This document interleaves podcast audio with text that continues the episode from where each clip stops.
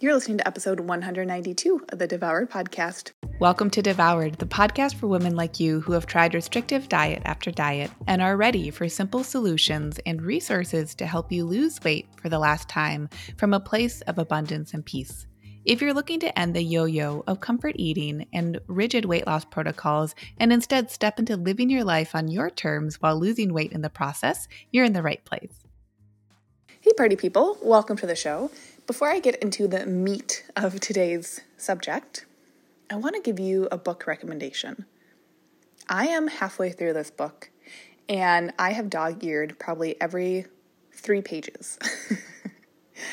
it has been such a wonderful read, and I figured that if I resonate with this, probably those of you who listen to this show would resonate with it as well. It's not about diet or nutrition or human health to that degree. It is about climate change.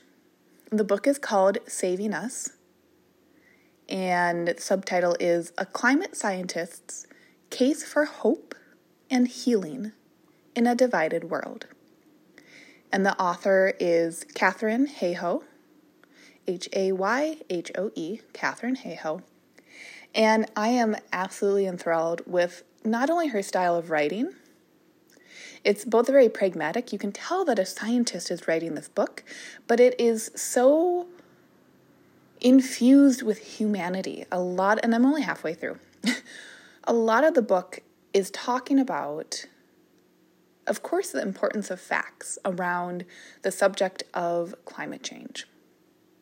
Right? It's truth, how we know that, things that were projected decades ago by scientists that are already true. It's talking about all that and is talking about how if we continue to have this conversation around climate change only be about facts, we're going to continue to create more divide. And we can see so much divide in this country in how people are in relationship and create whole identities around the things that they do or don't believe. Or things about if if they don't like someone, then they're never going to agree with what that person likes, and so they you know use their identities to create divide, take things very personally. Anyway, this book has just, even though it's only halfway through, it's done such an amazing job, in, in my opinion, of being, I don't even want to say a middle ground, of being a place of refuge for the people who do want to have conversations, who aren't trying to change people to hop on the agenda of climate change, I think a lot of us probably resonate with that. You just want to have conversations about things that are happening.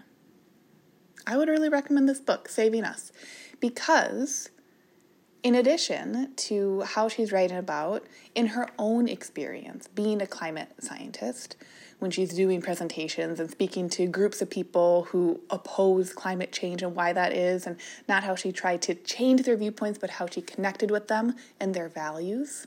That sound familiar? I think that many of you would appreciate reading this book because it actually speaks to how, dun, dun, dun, like a drum roll, drum roll, it speaks to a very similar process that I think you can see in the food and nutrition world. What?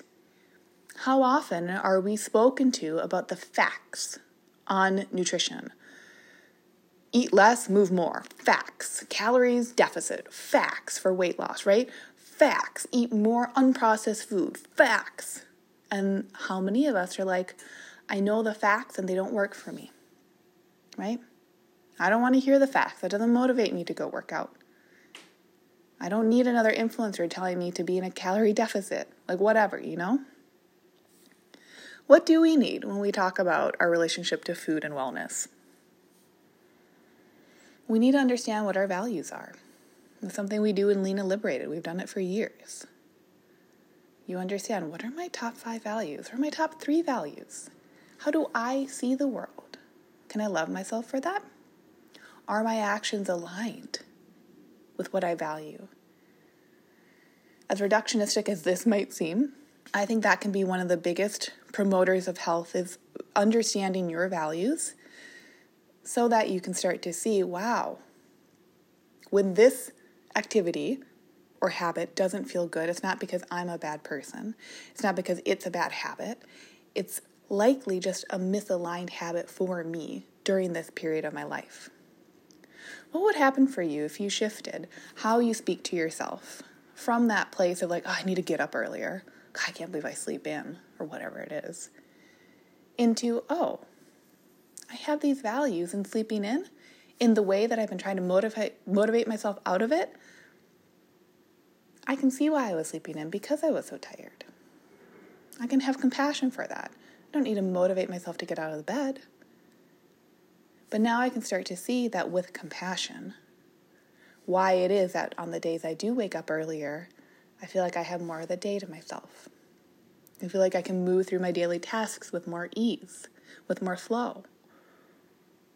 You can start to get in touch with yourself through the lens of your values without having to over overly manipulate yourself. Because just like trying to sway people with facts usually doesn't get us very far, the same thing happens with ourselves because don't forget you're a person and you're a person in relationship with yourself. So, of course, trying to motivate yourself with facts, you're trying to make yourself do things for reasons that you don't understand, that don't even align with your values, and you might not even be sure what your values are. Of course, those actions and habits either are going to fall to the wayside or they're not going to feel very good. So, anyway, Saving Us, just a wonderful book. I don't know when it released, but I know it released very recently. So it's a, it's a very new book. You can tell in the book she references the pandemic quite a bit. So, recently released, a really beautiful read. Not doom and gloom, but it does talk about climate change. So, if that is a subject that brings up some anxiety for you, you know, I still might recommend this book because it is so loving and supportive in how it's written from a place of just very grounded information. Anyway, let's get into the meat of the show, shall we? Whenever I think about meat of the show, I like think of like a stock pot and there's this big piece of like pork in there. I'm about to pull the pork apart. let's get into the meat. I wanted to talk about motivation today. And specifically in 2022, I'd like for you to humor the idea that your weight loss goals do not need to and can actually come from less motivation. Like, you don't need motivation in order to lose weight. Let me say it again you don't need to be motivated to lose weight. How many times in your life have you lost weight in ways that, in reflection, surprised you? Not every client of mine, but a decent handful of them, and I don't ask every single one, so I might not, I, I can't know for sure, but a decent handful of my clients will at some point mention that there were times in their lives in the past where they weren't even trying to lose weight, but they lost weight, and it felt really good. And when we talk more about those times, there were times that they were feeling pretty in flow with their lives. They weren't having to motivate themselves every single day to do the weight loss things. Because really, I'd like for you to think on this. What are the quote unquote weight loss things? Here are a couple, and there aren't many. Number one, you're going to eat enough food to allow your body to tap into its body fat stores for energy. You're not going to eat too little food because if you did, your body would send you signals to eat more food. So you eat enough food.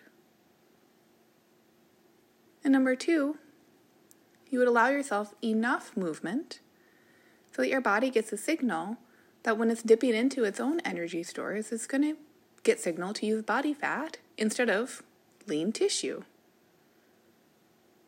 That doesn't mean you do so much exercise, right? Too much exercise that your body then gets the signals to increase its appetite so that you eat more to compensate for the extreme expenditure of energy. Meaning, you get enough exercise, but not too much. And here's how you know like, it's those two things. and then you do them consistently. What? Here's how you know whether those are working. You allow yourself to have a visual representation of changes over time. That can be using the scale. I like to have all my clients weigh themselves mostly so that we can understand their relationship to the scale and the relationship to that number.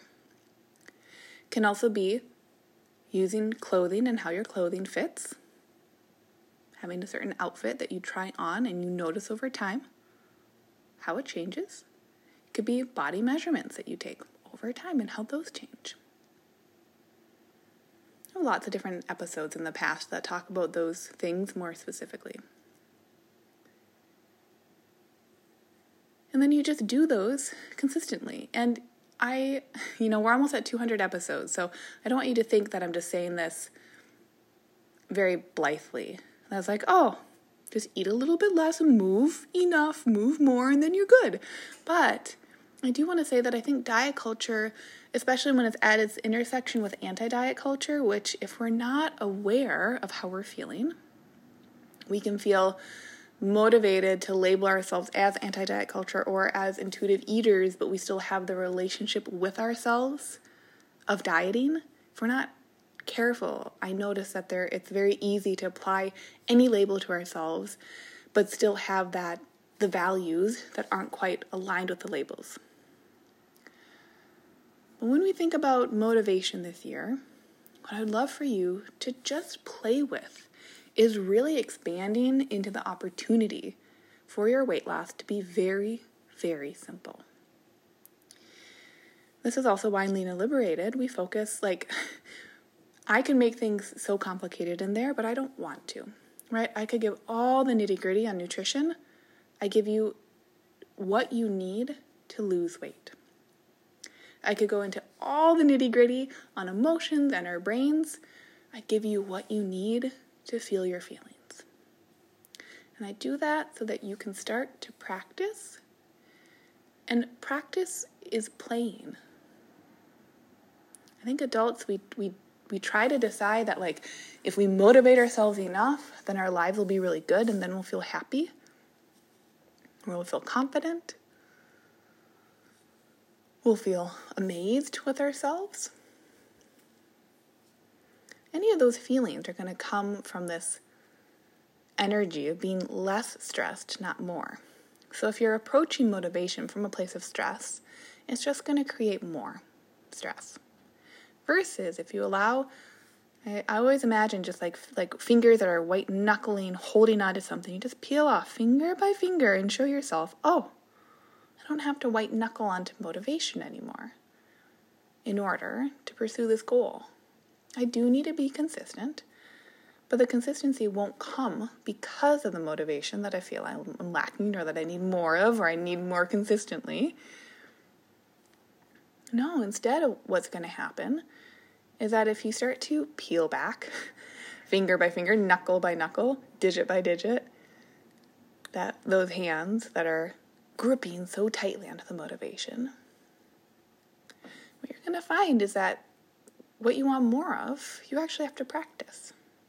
If you want more of it, if you want to feel amazed by your life, you've got to start that now. You have to choose to look for amazement in your life today.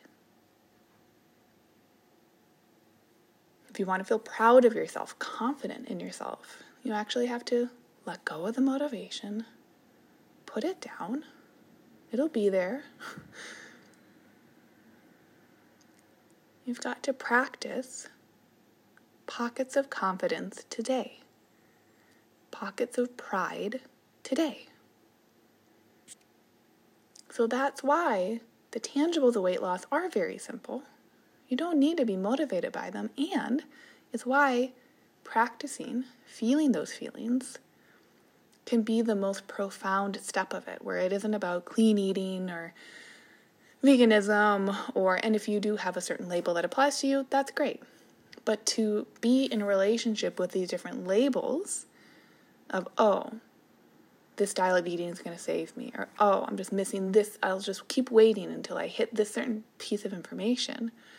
I want to offer to you that like it doesn't have to be like that. And if you feel like it does, then that's just what is going to generate itself more and more over time, which is usually what isn't what feels so good. So I want you to just be with that this week. Just practice being in the playfulness of releasing away from motivation. What comes up? You know, you can give yourself permission just to feel it without having to fix it. So play with that this week. Reach out to me, as always, and I will see you on next week's episode. Bye. Did you know you can find more support from me on my website? Go to Lucia Hawley, L U C I A H A W L E Y dot com to connect.